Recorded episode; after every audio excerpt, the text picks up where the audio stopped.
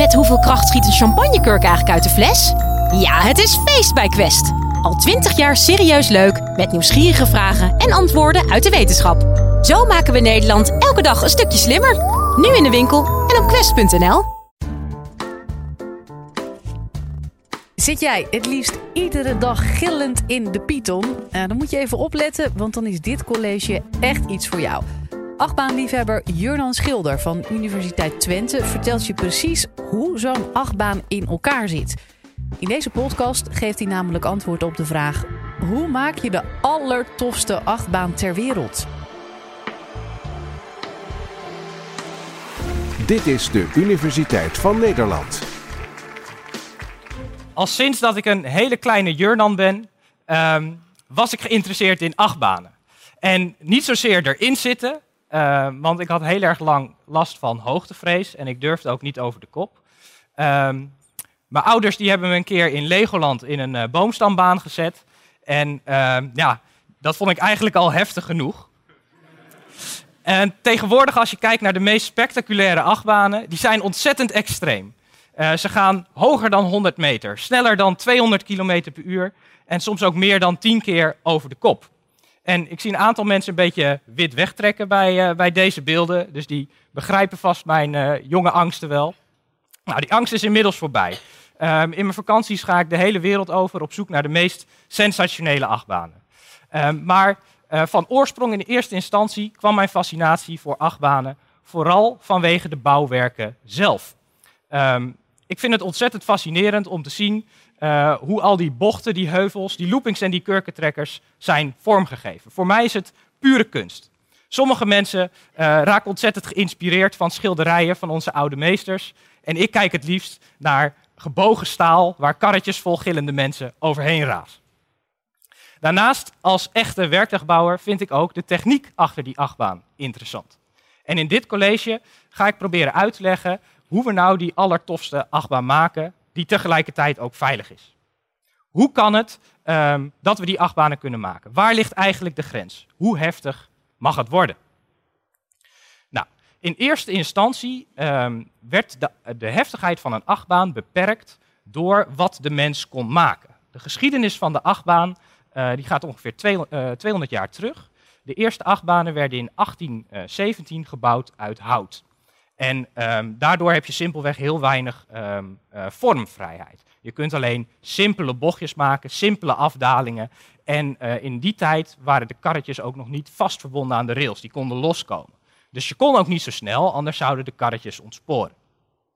Nou, dat werd wel steeds uh, heftiger, maar dat duurde eigenlijk tot na de Tweede Wereldoorlog voordat er echt serieuze achtbanen werden gebouwd.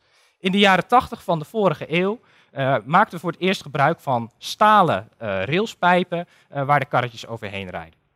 Nou, in die periode zien we dus voor het eerst loopings, kurkentrekkers en combinaties daarvan. En in die periode is bijvoorbeeld ook de Python in de Efteling gebouwd. Een achtbaan die vandaag de dag nog steeds operationeel is.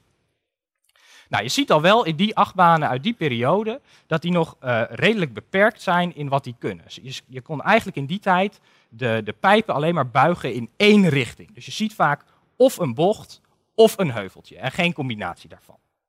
En het duurde tot in uh, uh, zeg maar halverwege de jaren 90 voordat we echt alles konden maken wat we willen. In die periode zijn er geavanceerde 3D-buigmachines ontwikkeld die computergestuurd werken en op de tiende uh, van een millimeter nauwkeurig die pijpen kunnen maken zoals we die hadden bedacht. Nou, um, dat was echt een enorm omslagpunt in het ontwerpen van de achtbaan. Vanaf dat moment konden we maken wat we maar wilden. Nou, op dat moment zien we dat de grens van uh, de beperking verschuift van wat we konden maken naar wat het menselijk lichaam aan kan. Um, en het is heel erg belangrijk, omdat tegenwoordig ligt die grens echt bij, bij de krachten die de passagiers ervaren tijdens een rit in de achtbaan. Nou, die krachten die drukken we vaak uit in termen van G-krachten. En 1G, um, dat is een, een maat voor um, de kracht die je voelt uh, in normale omstandigheden. Dat is eenmaal je lichaamsgewicht. Dus dat is wat ik nu ervaar terwijl ik hier sta en wat jullie ervaren terwijl je uh, zit. Nou, um, de maximale belasting die een uh, mens uh, mag hebben tijdens een rit in de achtbaan is in de richting van onze wervelkolom. En dat is ongeveer 5G. We kunnen wel ehm, hogere belastingen uh, aan, maar daarvoor moet men zijn getraind. Of moet je een speciaal drukpak aan, zoals bijvoorbeeld straaljagerpiloten dat hebben. Nou, die verticale G-krachten, um, die ervaar je bijvoorbeeld als je door, de, door een dal van een, uh, van een heuvel rijdt. En je voelt dan echt dat je in je stoeltje wordt gedrukt. En je ervaart dan uh, 2G, 3G of dus tot 5G. Je kunt ook minder dan 1G ervaren en dat is met name op de top van een heuvel. Je voelt dan dat je een beetje lichter wordt, dat je uit je stoeltje komt. Uh, het gevoel van zweven, ook dat is een verticale G-kracht.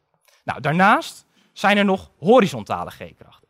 Die zijn zijwaarts, en dat ervaar je vooral in een bocht, of uh, voorwaarts. En dat ervaar je bijvoorbeeld tijdens het remmen, maar ook tijdens een lancering.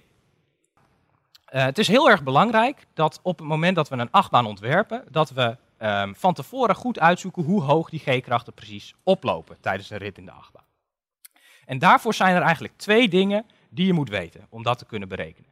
In de eerste plaats is dat de snelheid van het karretje en de curve van de baan, of meer precies de krontestraal.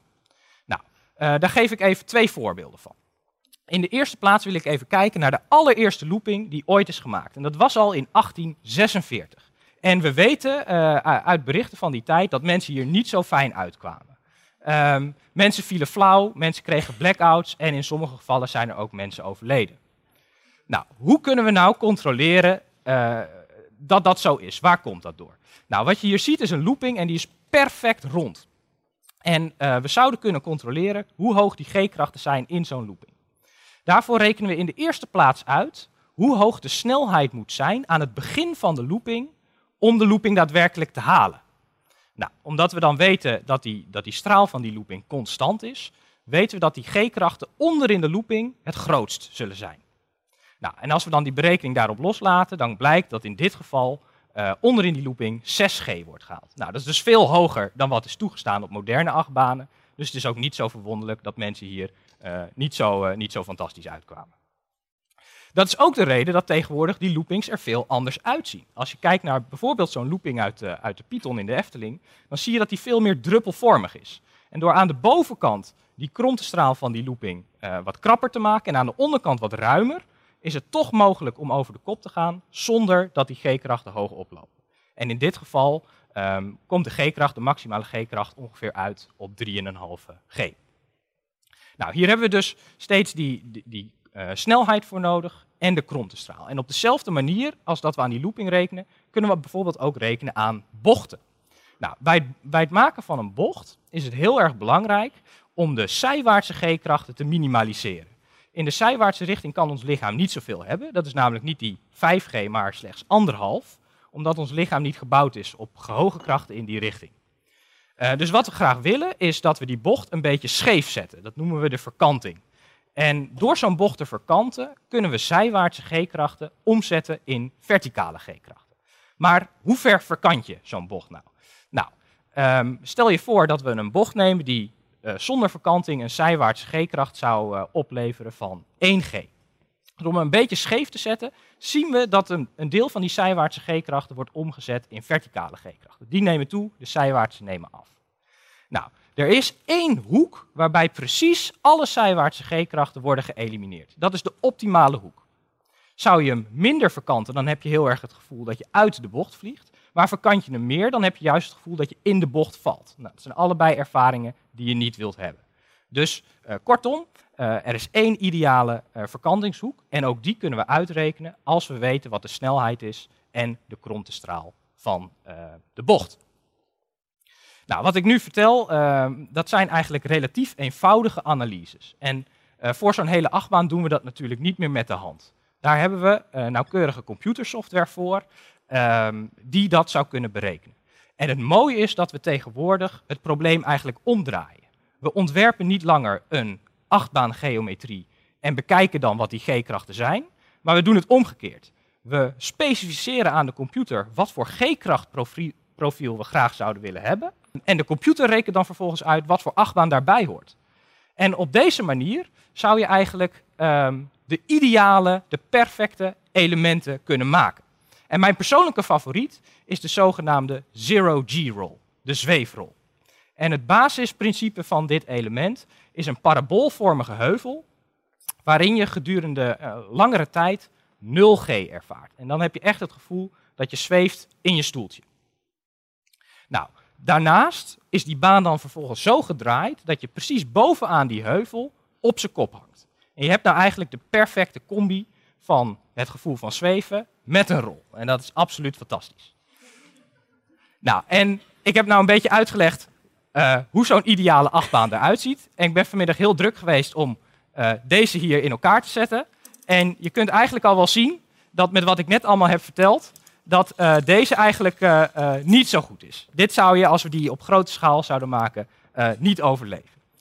Want niet, is, niet, alleen is het belangrijk dat we precies weten hoe dat G-krachtprofiel eruit ziet, maar het is belangrijk om te realiseren dat ook uh, een perfecte beheersing van het productieproces belangrijk is.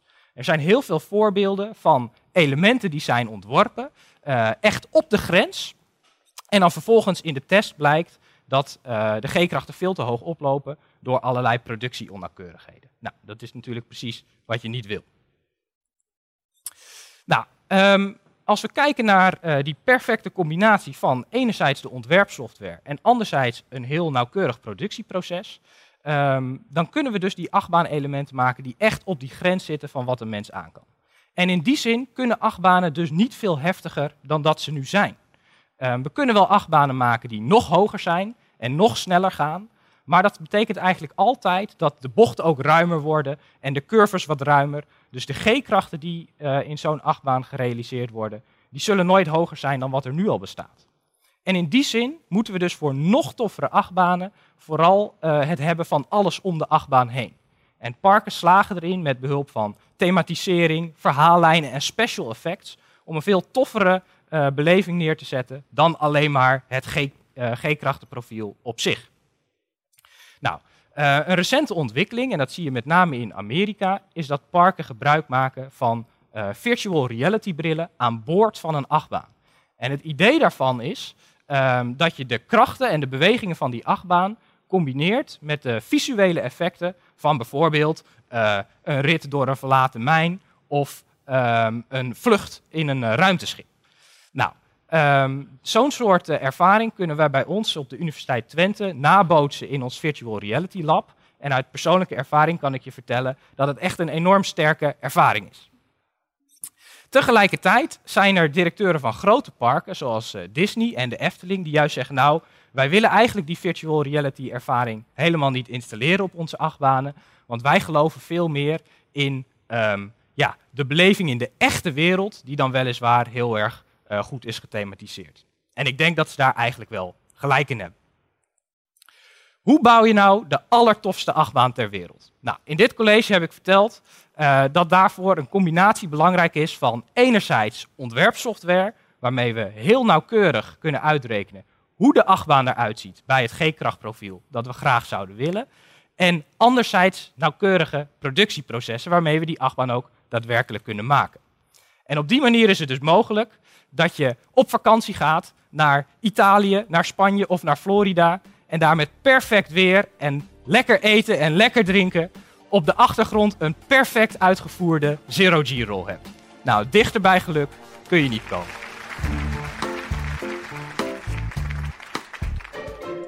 Dit was de Universiteit van Nederland. Wil je nou nog meer afleveringen beluisteren? Check dan de hele playlist en ontdek het antwoord op vele andere vragen.